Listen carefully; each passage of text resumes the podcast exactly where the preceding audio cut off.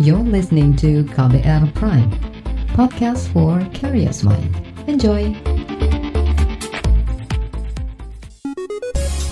Saatnya Anda dengarkan Ruang Publik KBR yang dipersembahkan oleh Koalisi Perempuan Indonesia.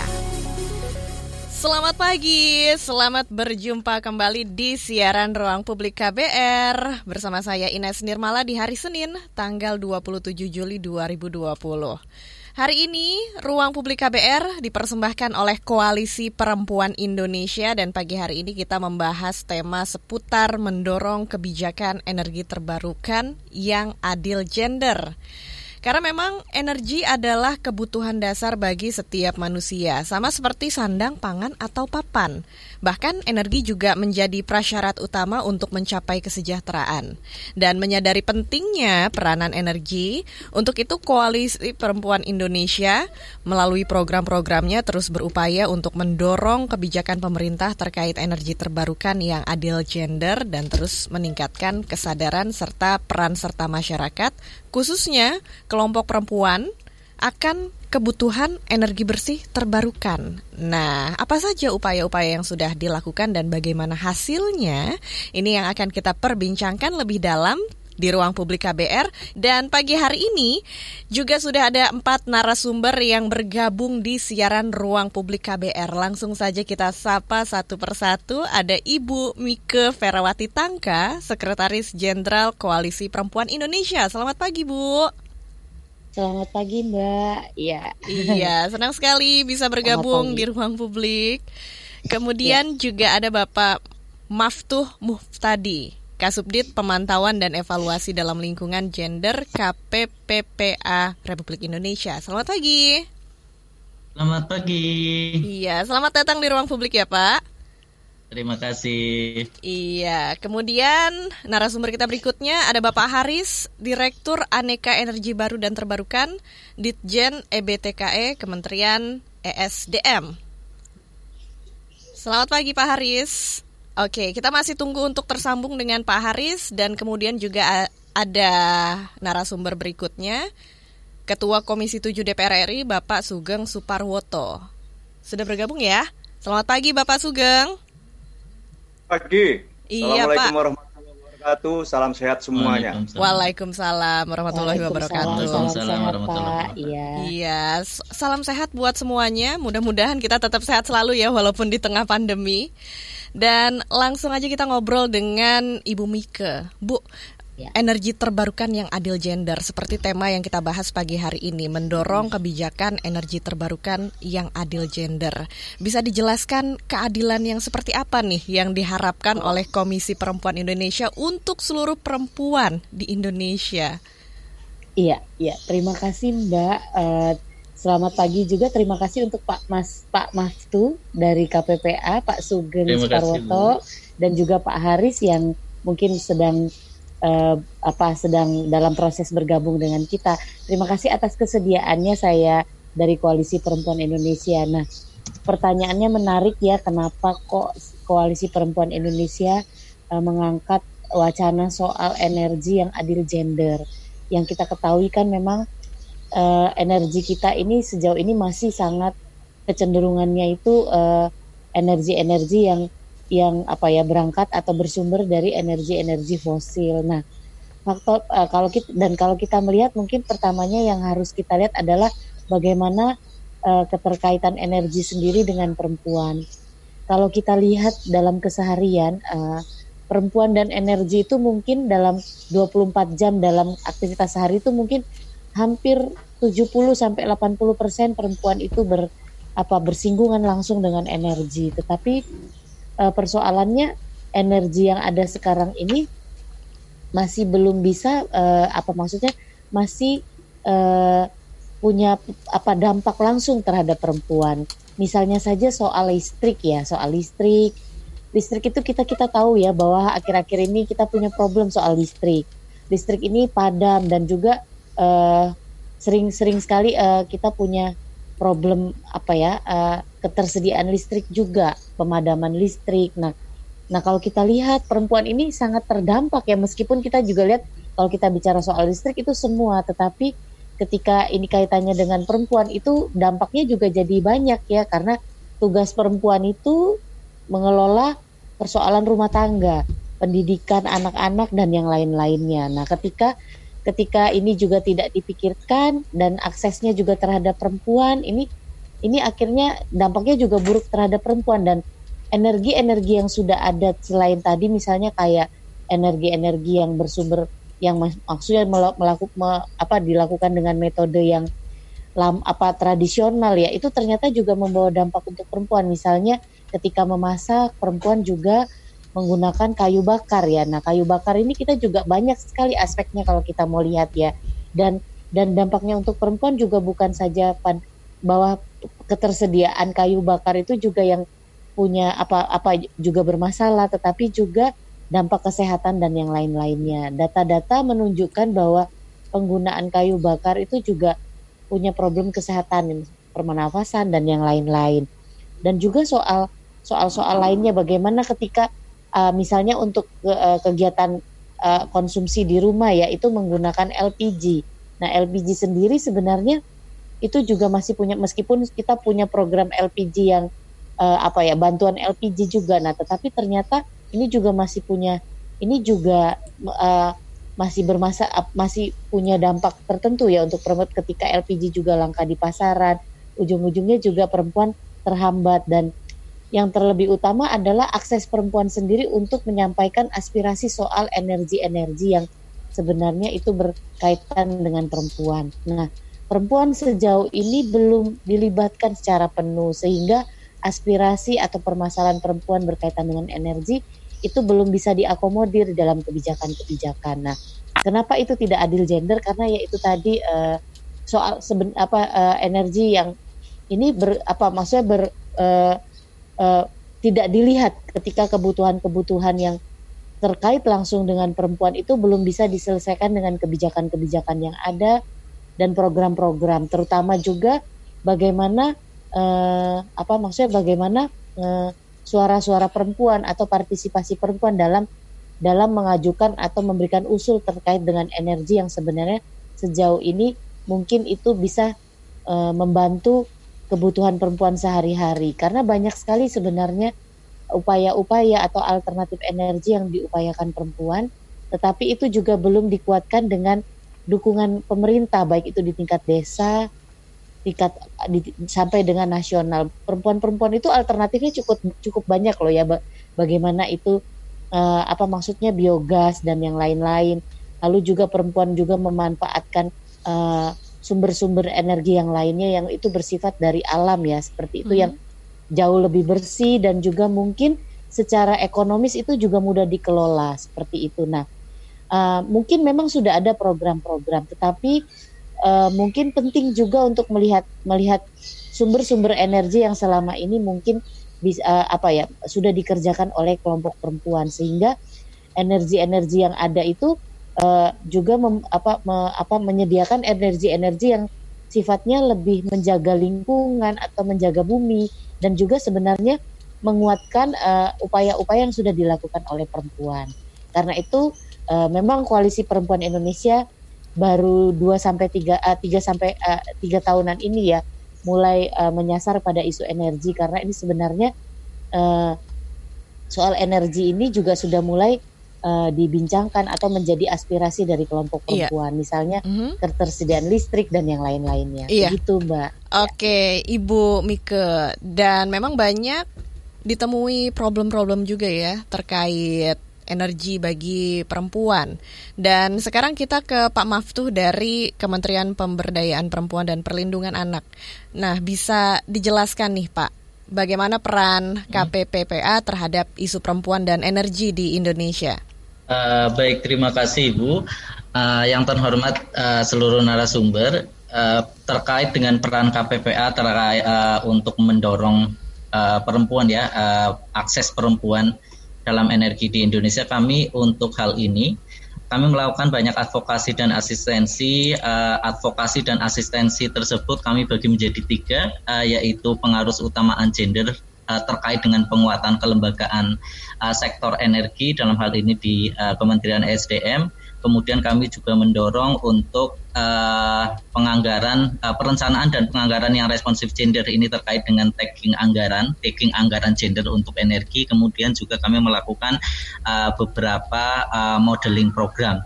Untuk PUG sendiri kami sudah uh, lama mengadvokasi hal ini kepada Kementerian SDM dan uh, saat ini uh, Pokja PUG di Kementerian SDM sudah uh, berjalan dengan baik walaupun masih masih uh, masih tetap harus perlu di, ditingkatkan ya dikuatkan. Ini juga kami meng, uh, mengundang uh, partisipasi dari uh, lembaga masyarakat sipil untuk bagaimana kita bersama-sama menguatkan uh, Pokja PUG di Kementerian SDM karena efeknya nanti uh, dia akan uh, merambah ke kebijakan-kebijakan um, yang dikeluarkan oleh SDM. Kemudian untuk PPRG uh, perencanaan dan penganggaran yang responsif gender, uh, kami juga mengadvokasi hal ini baik kepada uh, Kementerian SDM uh, SDM maupun kepada Bappenas. Kepada Bappenas kenapa? Terutama ini uh, untuk direktorat yang terkait dengan energi ya di Bappenas ini. Uh, dengan harapan ketika trilateral meeting itu dilakukan oleh Kementerian SDM, Bappenas dan Kementerian Keuangan, maka anggaran-anggaran uh, responsif gender yang sudah di uh, tagging oleh Kementerian uh, SDM ini uh, bisa di-approve di uh, rapat uh, trilateral meeting tersebut dan kami berdasarkan data yang kami miliki ini uh, ada kecenderungan anggaran responsif gender di Kementerian ESDM ini naik secara signifikan walaupun tentunya jumlahnya itu masih masih kecil dan masih perlu ditingkatkan terutama ketika kita melihat proporsi dari uh, anggaran di ESDM. Jadi untuk tahun 2018 misalnya itu ada sekitar ini masih kecil sekali. 2018 itu masih 8 juta 971 ribu untuk anggaran yang di tagging uh, di anggaran gender. Dan ini juga masih ada di uh, penelitian uh, dan pengembangan. Kemudian tahun 2019 itu naik secara signifikan dari angka 8 juta menjadi uh, 1 miliar 365 ribu. Itu terbagi dalam uh, program pengelolaan dan penyediaan minyak dan gas bumi dan program pengelolaan energi baru terbarukan dan konservasi energi. Untuk 2020 anggaran uh, responsif gender mereka itu naik menjadi uh, dari 1 miliar 1,3 miliar menjadi 4 miliar. Uh, ini uh, masih uh, kontributor untuk ini masih di program pengelolaan dan penyediaan minyak dan gas bumi uh, kemudian juga uh, program energi baru terbarukan dan konservasi energi itu untuk yang uh, advokasi dan asistensi kami terkait untuk uh, apa peningkatan anggaran yang responsif gender atau PPRG. Kemudian kami juga melakukan modeling-modeling.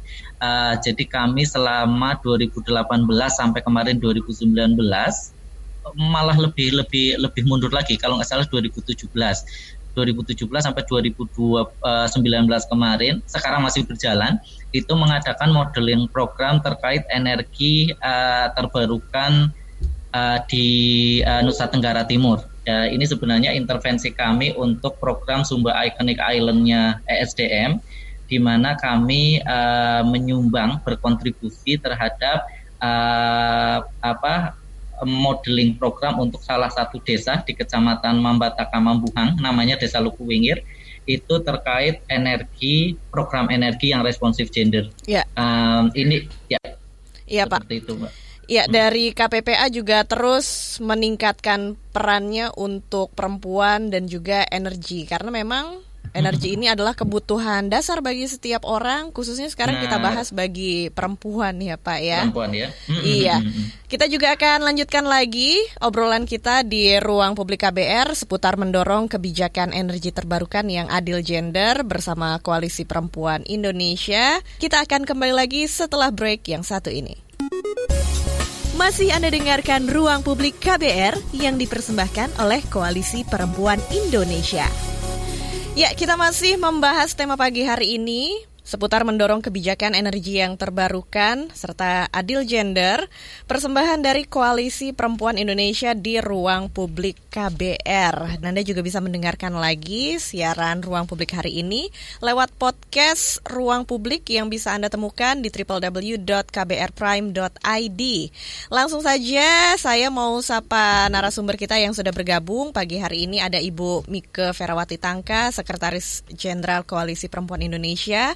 Kemudian ada juga Bapak Maftuh Muhtadi dari Kementerian Pemberdayaan Perempuan dan Perlindungan Anak serta Bapak Sugeng Suparwoto dari Ketua Komisi 7 DPR RI. Kita ke Bapak Maftuh terlebih dahulu. Pak, kita akan ngobrolin hmm. seputar akses energi bersih terbarukan bagi perempuan yang masih terkendala. Yeah. Nah, mengapa masalah seperti ini masih sering terjadi? Kalau pengamatannya nih Pak, apa saja faktor penyebab uh, energi bersih terbarukan ini masih jadi kendala untuk perempuan? Uh, saya kira pertama karena uh, apa masyarakat masih menganggap bahwa energi itu adalah wilayahnya laki-laki ya padahal hmm. kalau kita kalau tadi di uh, sesi pertama uh, Mbak Mika sudah menyampaikan bahwa uh, penggunaan energi khususnya energi rumah tangga itu uh, lebih banyak di uh, apa di di manage oleh perempuan. Jadi hmm. pertama itu bahwa uh, pergi apa anggapan dari masyarakat ada, adalah energi itu adalah wilayahnya laki-laki. Kemudian yang kedua masyarakat sering kali uh, menganggap bahwa ketika kita berbicara energi maka itu adalah sesuatu yang high tech ya um, itu masuk yang yang apa yang wow yang yang uh, itu adalah urusan uh, high teknologi. Uh, jadi uh, perempuan uh, secara tidak sadar masih uh, ditinggalkan di sini, terutama ketika itu berbicara tentang perencanaan dan manajemen energi. Kalau kalau penggunaan energi uh, khususnya untuk uh, skala rumah tangga kita semua tahu bahwa uh, perempuan sebagai pengurus rumah tangga itu memiliki pesa, uh, peran yang besar uh, dan kuat terkait ini. Bahkan kalau kita bicara tentang perempuan dan energi, maka uh, penggunaan energi ke depan itu ditentukan seberapa baik dan kuat perempuan memiliki pengetahuan tentang energi, kemudian seberapa kuat mereka mempraktekkan penggunaan energi yang ramah lingkungan dan seberapa jauh mereka dilibatkan dalam pembuatan uh, pengelolaan dan pemanfaatan energi. Saya kira seperti itu. Iya. Jadi uh, Iya, Pak. Oke. Okay. Kalau gitu uh, setelah mengetahui apa saja faktor penyebabnya yang jadi kendala bagi perempuan mengakses energi, sekarang kita ke Pak Sugeng dari Komisi 7 DPR RI. Pak Sugeng, selamat pagi. Pagi, ya. Iya, membicarakan seputar energi belum lama ini DPR RI juga sudah mengesahkan RUU Energi Baru dan Terbarukan yang masuk dalam daftar Prolegnas 2020 ya Pak ya betul. Iya. Nah, bisa dijelaskan nih Pak, apa latar belakangnya akhirnya RUU energi baru dan terbarukan ini masuk prioritas dan urgensinya seperti apa nih Pak? Ya, ya terima kasih. Jadi para pendengar radio KBR dan juga uh, yang terhormat ini ada narasumber-narasumber uh, Ibu Mika Ferawati ya dan Pak ya. Maftu dan sudah barang tentu apa namanya penyiar atau moderator atau apa namanya. Iya. Sekali lagi uh, saya ada atas nama Komisi 7 dan saya secara pribadi sebagai Ketua Komisi 7 terima kasih prakarsa yang hari ini adalah dari Koalisi Perempuan Indonesia. Karena pada dasarnya memang bagaimana awareness kita terhadap uh, energi baru terbarukan itu harus terus dipacu. Mengingat ada hal-hal yang kontradiktif kadang-kadang. Ya mohon maaf, sebagaimana kita ketahui yang kita subsidi itu justru energi fosil hari ini. Dengan yeah. memang itu dengan afirmatif policy ya. Kebijakan kita memihak kepada quote unquote orang yang saudara-saudara yang tidak mampu atau orang miskin adalah ada subsidi energi. Misalnya solar itu disubsidi satu liternya adalah seribu. Ya terus juga bensin juga demikian. Padahal itu sebagai uh, sebagaimana kita ketahui energi itu justru penyumbang karbon yang Betul. sangat tinggi atau cukup tinggi. Bahkan uh, istilahnya dalam istilah teknisnya bahan bakar atau fuel yang RON di bawah 90 itu uh, hanya tinggal enam negara di dunia ini yang pakai kita Indonesia Kamboja uh, Myanmar uh, dan beberapa negara lah di, di Afrika sana jadi negara-negara tetangga tingkat-tingkat ASEAN pun sudah uh, istilahnya pakai euro yang parameter-parameter yang lebih tinggi. Itu itu apa yang terjadi hari ini. Ada aspek yang juga sangat mendasar, yakni bahwa kita sebagai sebuah negara bangsa itu kita telah menandatangani Paris Agreement tahun 2015 yang lalu bahwa kita harus uh, sampai tahun 2030 itu ada imperatif-imperatif, ada tahapan-tahapan yang harus kita lakukan. Karena apa? Karena kalau tidak uh, itu uh, maka kita juga lagi-lagi kita tidak hidup sendiri di planet yang sendiri, tapi kita secara apa disebut dengan global village sudah kita menjadi desa dunia. Kira hal ihwal tentang energi, tentang berbagai hal sudah bareng tentu juga kita masuk dalam percaturan dunia. Dan kita menandatangani Paris Agreement itu dan juga DPR sudah meratifikasi dalam menjadi undang-undang di mana sampai tahun 2030 nanti kita harus merejus kurang lebih 29 persen karbon atau CO2 karbon dioksida. Ya inilah.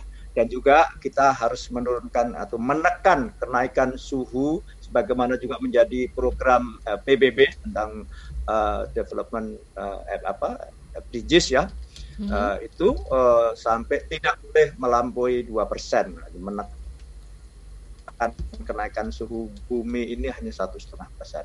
Nah ini berbagai kebijakan pelaksanaannya harus terimplementasi termasuk di Indonesia ini sehingga seperti kita ketahui ini ada rencana-rencana besar tentang energi.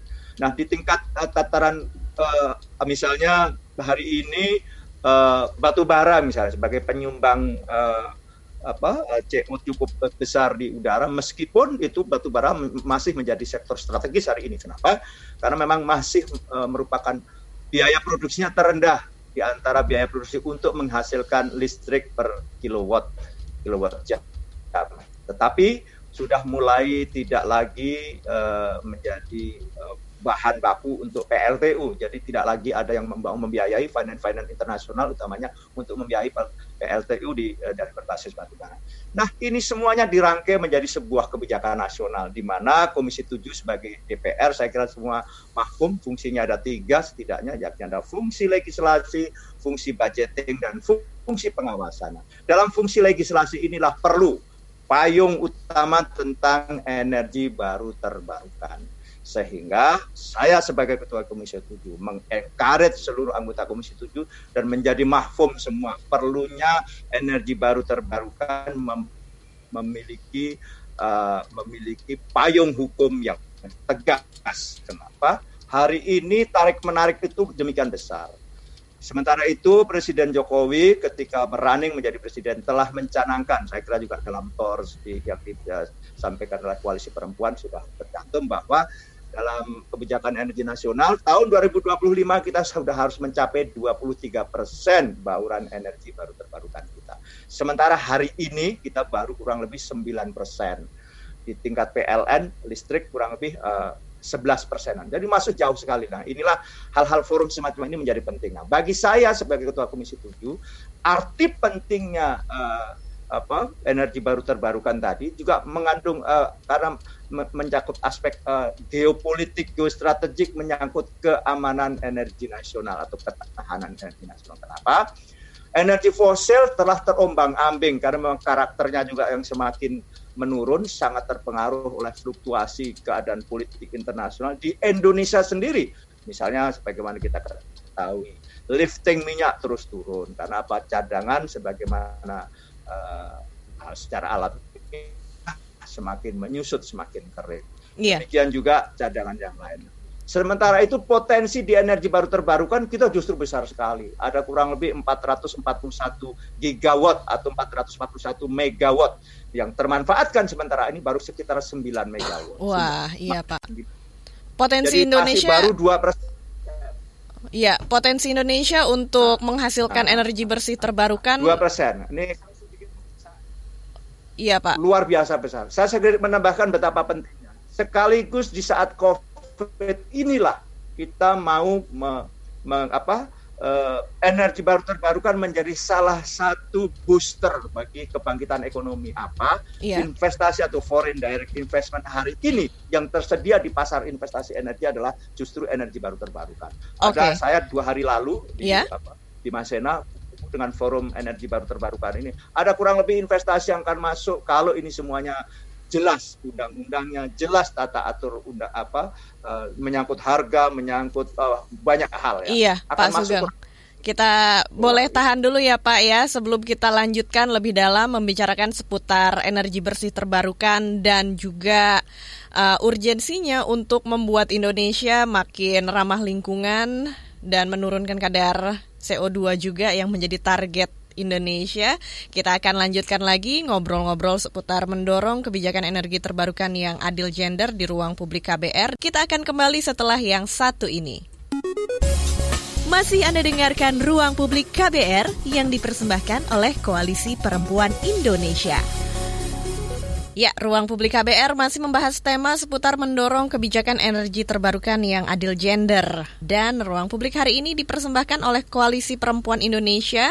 Bersama saya Ines Nirmala juga masih terhubung dengan narasumber kita yaitu Ibu Mike Ferawati, Sekretaris Jenderal Koalisi Perempuan Indonesia, Bapak Maftuh Muhtadi dari Kementerian Pemberdayaan Perempuan dan Perlindungan Anak serta Bapak Sugeng Suparwoto, Ketua Komisi 7 DPR RI. Ada juga pendengar kita yang bergabung lewat WhatsApp dan ada Dega di Jakarta. Ini yang bertanya sebagai masyarakat awam apa yang bisa dilakukan untuk mendorong perempuan di sekitar untuk ikut terjun ke dalam energi bersih terbarukan ini karena juga masih banyak orang yang belum begitu paham seputar keadilan gender dan juga energi bersih terbarukan. Ini mungkin Ibu Mike atau Pak ya. Mahtuf uh, Pak Maftuf bisa ikut menjawab. Ya. Silakan Bu. Uh, ya, terima kasih Mbak Ines ya. Mm -hmm. Pertanyaannya menarik ya bagaimana supaya kita bisa melibatkan perempuan ya karena memang dari asesmen atau apa ya semacam kajian awal yang KPI lakukan ya kok uh, di beberapa wilayah memang uh, jangankan bicara soal uh, bagaimana me mengkoneksikan energi ya. Karena kita energi dengan gender. Karena sebenarnya kebanyakan perempuan juga masih belum punya memiliki pemahaman yang cukup ya terkait bagaimana apa itu energi dan kenapa uh, energi itu terbatas. Seperti tadi yang sudah disampaikan oleh Pak Maftu dan juga Pak Sugeng ya bahwa energi yang ada sekarang ini yang banyak dilakukan oleh banyak yang di dimanfaatkan oleh kelompok perempuan itu masih energi fosil yang itu sifatnya terbatas dan bisa jadi pada jangka waktu tertentu mereka akan habis ya seperti itu. Nah, pemahaman-pemahaman ini perlu kita kuatkan lagi kepada kelompok perempuan. Bagaimana bukan saja mereka memanfaatkan atau mengupayakan alternatif-alternatif energi, tetapi termasuk juga memberikan pemahaman dan edukasi kepada masyarakat khususnya perempuan bagaimana mereka juga bisa melakukan efisiensi terhadap pemaham uh, penggunaan energi ya. Bagaimana mereka bisa cermat menggunakan energi, hemat dan mereka juga apa uh, apa maksudnya punya pemahaman atau kesadaran kritis tentang kelestarian apa maksudnya energi efisiensi energi yang bisa me menguatkan kelestarian atau keter apa kesinambungan uh, ketersediaan energi yang ada. Nah, upaya-upaya KPI eh, Koalisi Perempuan Indonesia ya itu, itu tadi ya kita melakukan pengorganisiran dan juga memberikan pendidikan kepada kelompok-kelompok perempuan dan juga mengajak uh, kelompok perempuan untuk mulai mencermati atau melakukan analisis ya apa saja sebenarnya uh, analisis sosial apa saja dampak yang yang bisa yang terjadi oleh perempuan dan itu juga masyarakat pada umumnya seperti itu. Termasuk juga mengajak perempuan untuk mulai mencermati apa saja alternatif-alternatif sumber energi yang bisa dikelola dan itu sifatnya murah dan bersih untuk perempuan. Seperti yang kita ketahui bahwa energi fosil itu juga masih menimbulkan dampak CO2 yang itu juga uh, apa ujung-ujungnya apa menjadi polutan dan itu juga ber, berdampak kepada kesehatan dan juga yang lain-lainnya. Nah, kalau begitu Mas uh, tadi pertanyaan dari Mas Dega ya, ayo sama-sama Mas kita juga melakukan kampanye di publik yang baik dan juga sama-sama mendukung upaya-upaya pemerintah yang tadi sudah disampaikan oleh Pak Sugeng ya bagaimana uh, energi kita ini juga dipikirkan terutama bagaimana kita uh, uh, mulai ke, ke arah ke depan bagaimana energi kita ini juga menyumbang bisa mempertahankan kita dari efek-efek panas bumi atau juga yang nanti itu ujung-ujungnya juga akan berdampak kepada banyak apa kita semua seperti bencana ya ketika kita juga dalam pengelolaan energi itu kita juga tidak ramah lingkungan atau juga tidak ramah uh, ramah lingkungan atau juga kita tidak iya. melakukan yeah. eksplorasi yang sesuai dengan apa ya hak asasi manusia seperti yeah. itu, Mbak. Oke, okay. dan sekarang juga sudah ada pendengar kita yang bergabung lewat telepon. Ada Pak Helon di Waingapu. Selamat pagi, Pak Helon. Selamat pagi, Mbak Ines. Iya, Pak Helon. Apa nih yang ingin ditanyakan atau punya komentar seputar keadilan gender dalam hal energi terbarukan? Silahkan, Pak Helon. Iya, saya mau tanya sedikit. Sudah sejauh mana perempuan Indonesia memahami energi terbarukan ini, nah, khususnya di masa pandemi ini. Nah, terima kasih, Bu. Salam ya. sehat. Salam sehat, Pak Helon. Terima kasih sudah bergabung. Nah, bisa diberikan tanggapan nih, seba saat ini sejauh mana pemahaman wanita Indonesia seputar energi terbarukan? Mungkin uh, Ibu Mike, Pak Sugeng atau Pak Maftuh bisa menjelaskan? Silakan. Ya, saya mungkin uh, mungkin akan meminta Pak Maftu dan Pak Sugeng juga ikut menjawab, tetapi mungkin saya akan melihat bagaimana situasi perempuan dalam pandemi ini ya terkait dengan energi ya. Ya, ya. pandemi ini aja sudah sulit ya, Pak. Tadi Pak siapa dari hal Pak dari, Helon di Waingapu. Pak Helon ya dari Waingapu. Iya, Pak uh, kalau kita bicara pandemi ini saja sudah membuat dampak yang cukup apa spesifik apa cukup krusial untuk perempuan ya.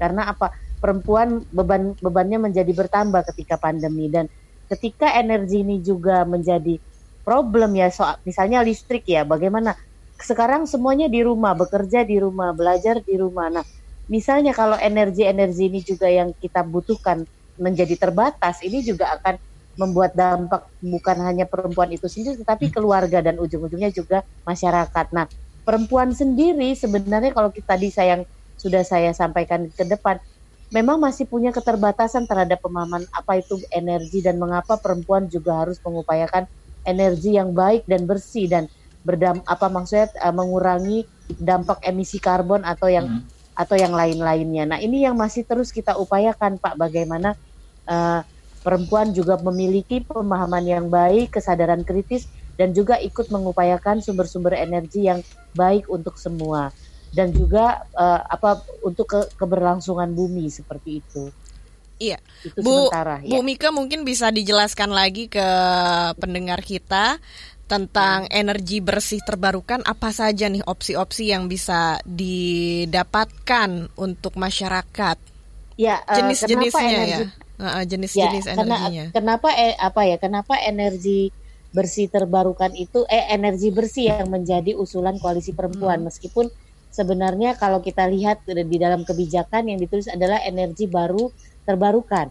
Nah, energi baru terbarukan ini kalau kami e, memang memang yang tadi sudah dijelaskan oleh Pak Sugeng ya begitu banyak sumber-sumber yang sudah yang baru ya, tetapi menurut analisis koalisi perempuan terdapat beberapa sumber-sumber yang itu juga memiliki dampak yang yang serius, misalnya e, sumber-sumber energi yang bersifat nuklir seperti itu ya.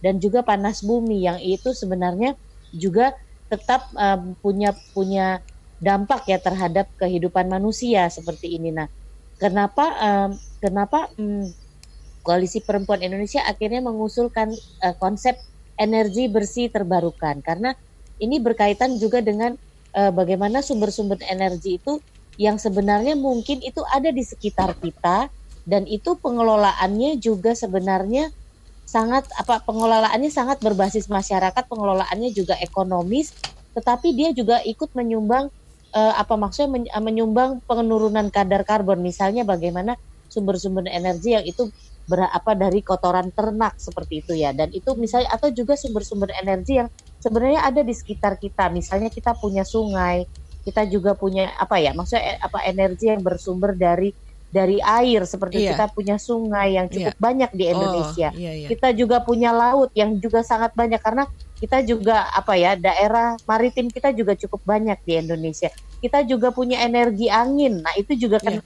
uh, menurut koalisi perempuan adalah sumber-sumber energi bersih yang itu juga bisa dikelola atau diupayakan untuk untuk untuk kebutuhan masyarakat dan juga untuk keberlanjutan bumi ini yeah. karena kalau kita bicara nuklir itu kita punya punya dampak yang buruk ya nuklir itu iya, radiasinya yeah, betul. dan yang lain-lain seperti itu mbak. Iya.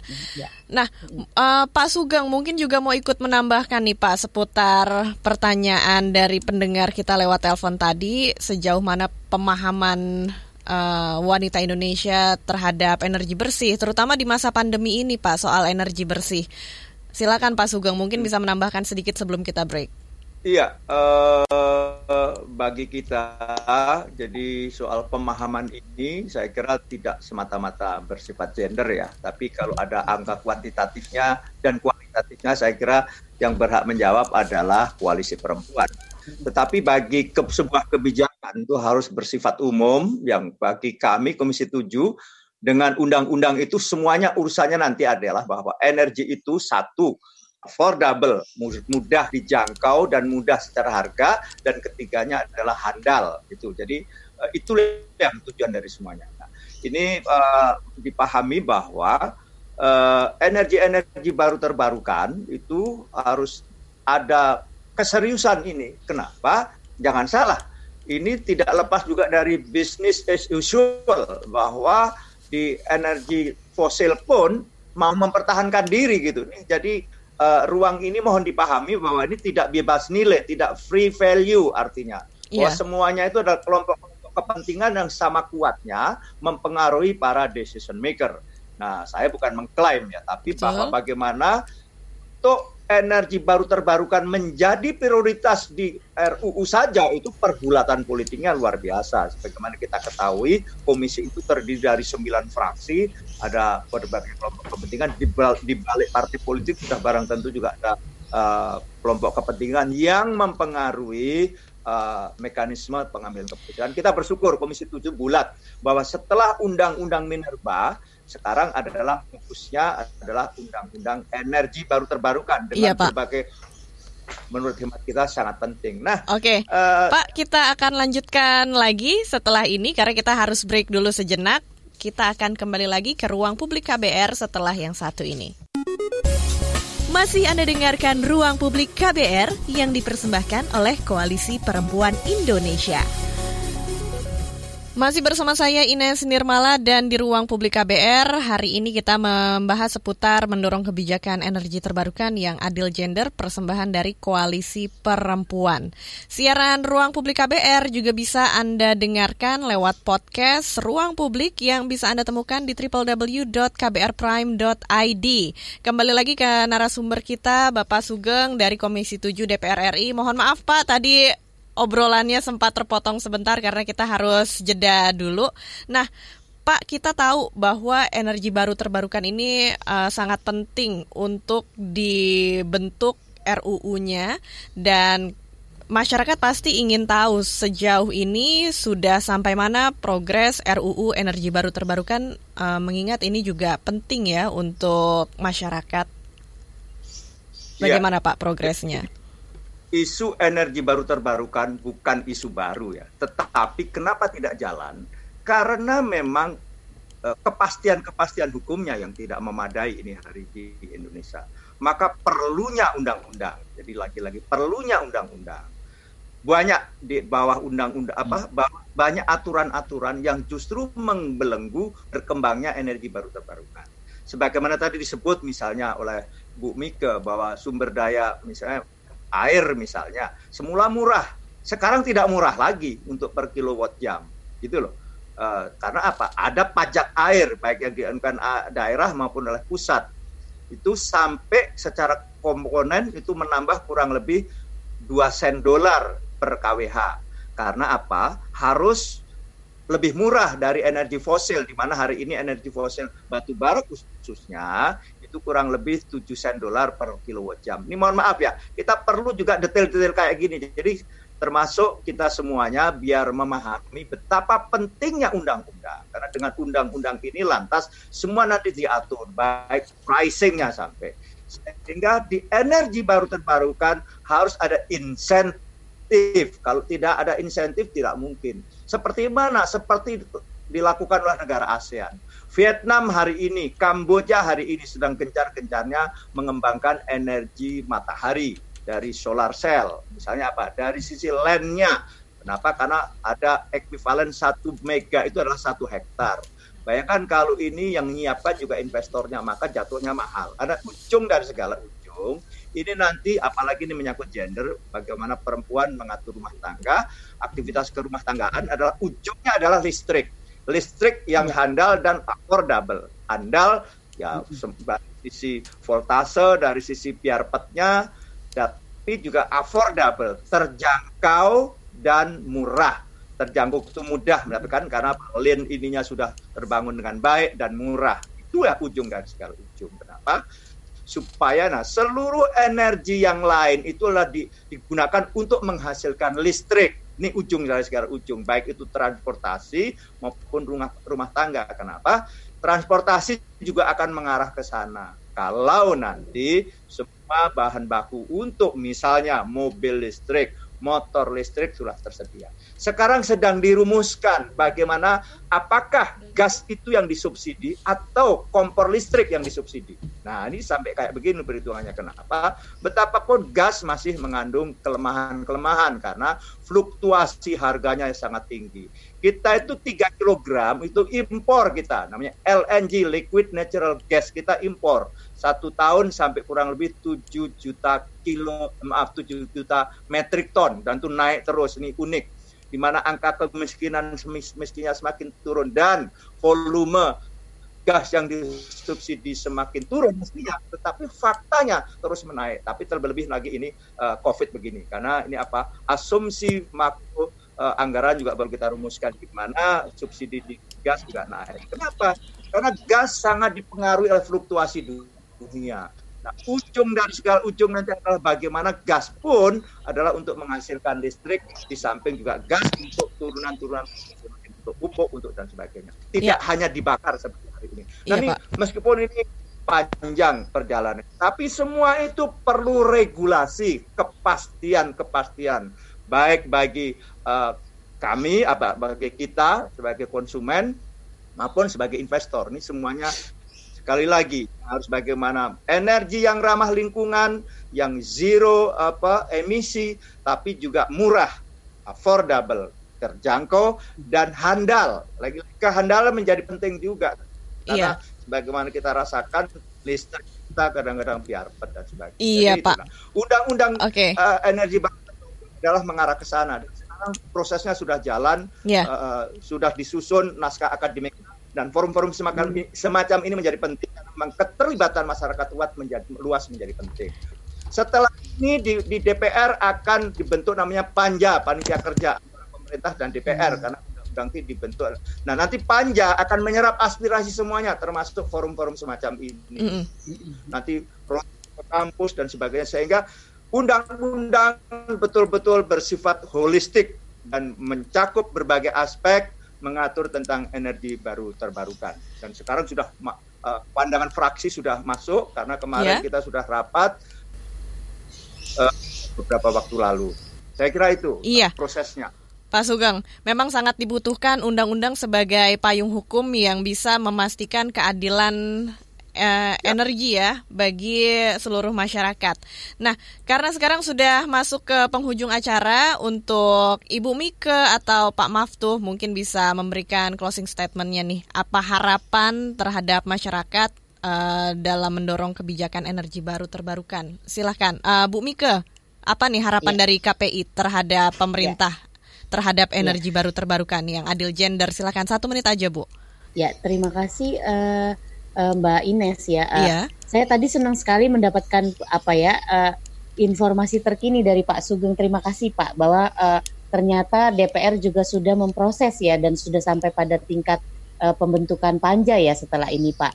Nah kami mohon juga mungkin karena ini juga menjadi bagian dari kepentingan kita semua dan uh, apa dan tadi juga Pak Sugeng bilang bahwa ini juga akan mengajak banyak sekali ya forum-forum diskusi atau input dari masyarakat sipil. Nah, mudah-mudahan ini juga bisa menjadi bagian juga koalisi perempuan bisa terlibat di dalam penyusunannya, terutama bagaimana menginsert perspektif kesetaraan gender ya di dalam kebijakan ini, Pak. Karena memang uh, perempuan juga sebagai bagian dari masyarakat itu juga punya problem-problem yang yang selama ini juga mesti dipastikan dalam aspek hukumnya gitu Pak. Bagaimana uh, kebijak kebijakan energi itu juga punya yang namanya uh, apa ya perspektif kesetaraan gender atau penguras pengaruh utamaan gender dalam nanti ketika nanti diimplementasikan begitu ya Pak ya. Dan kami Koalisi Perempuan Indonesia mendukung penuh Pak Sugeng Parwoto dan kawan-kawan di di Suparwoto ya di, di apa di parlemen untuk terus dan juga mendukung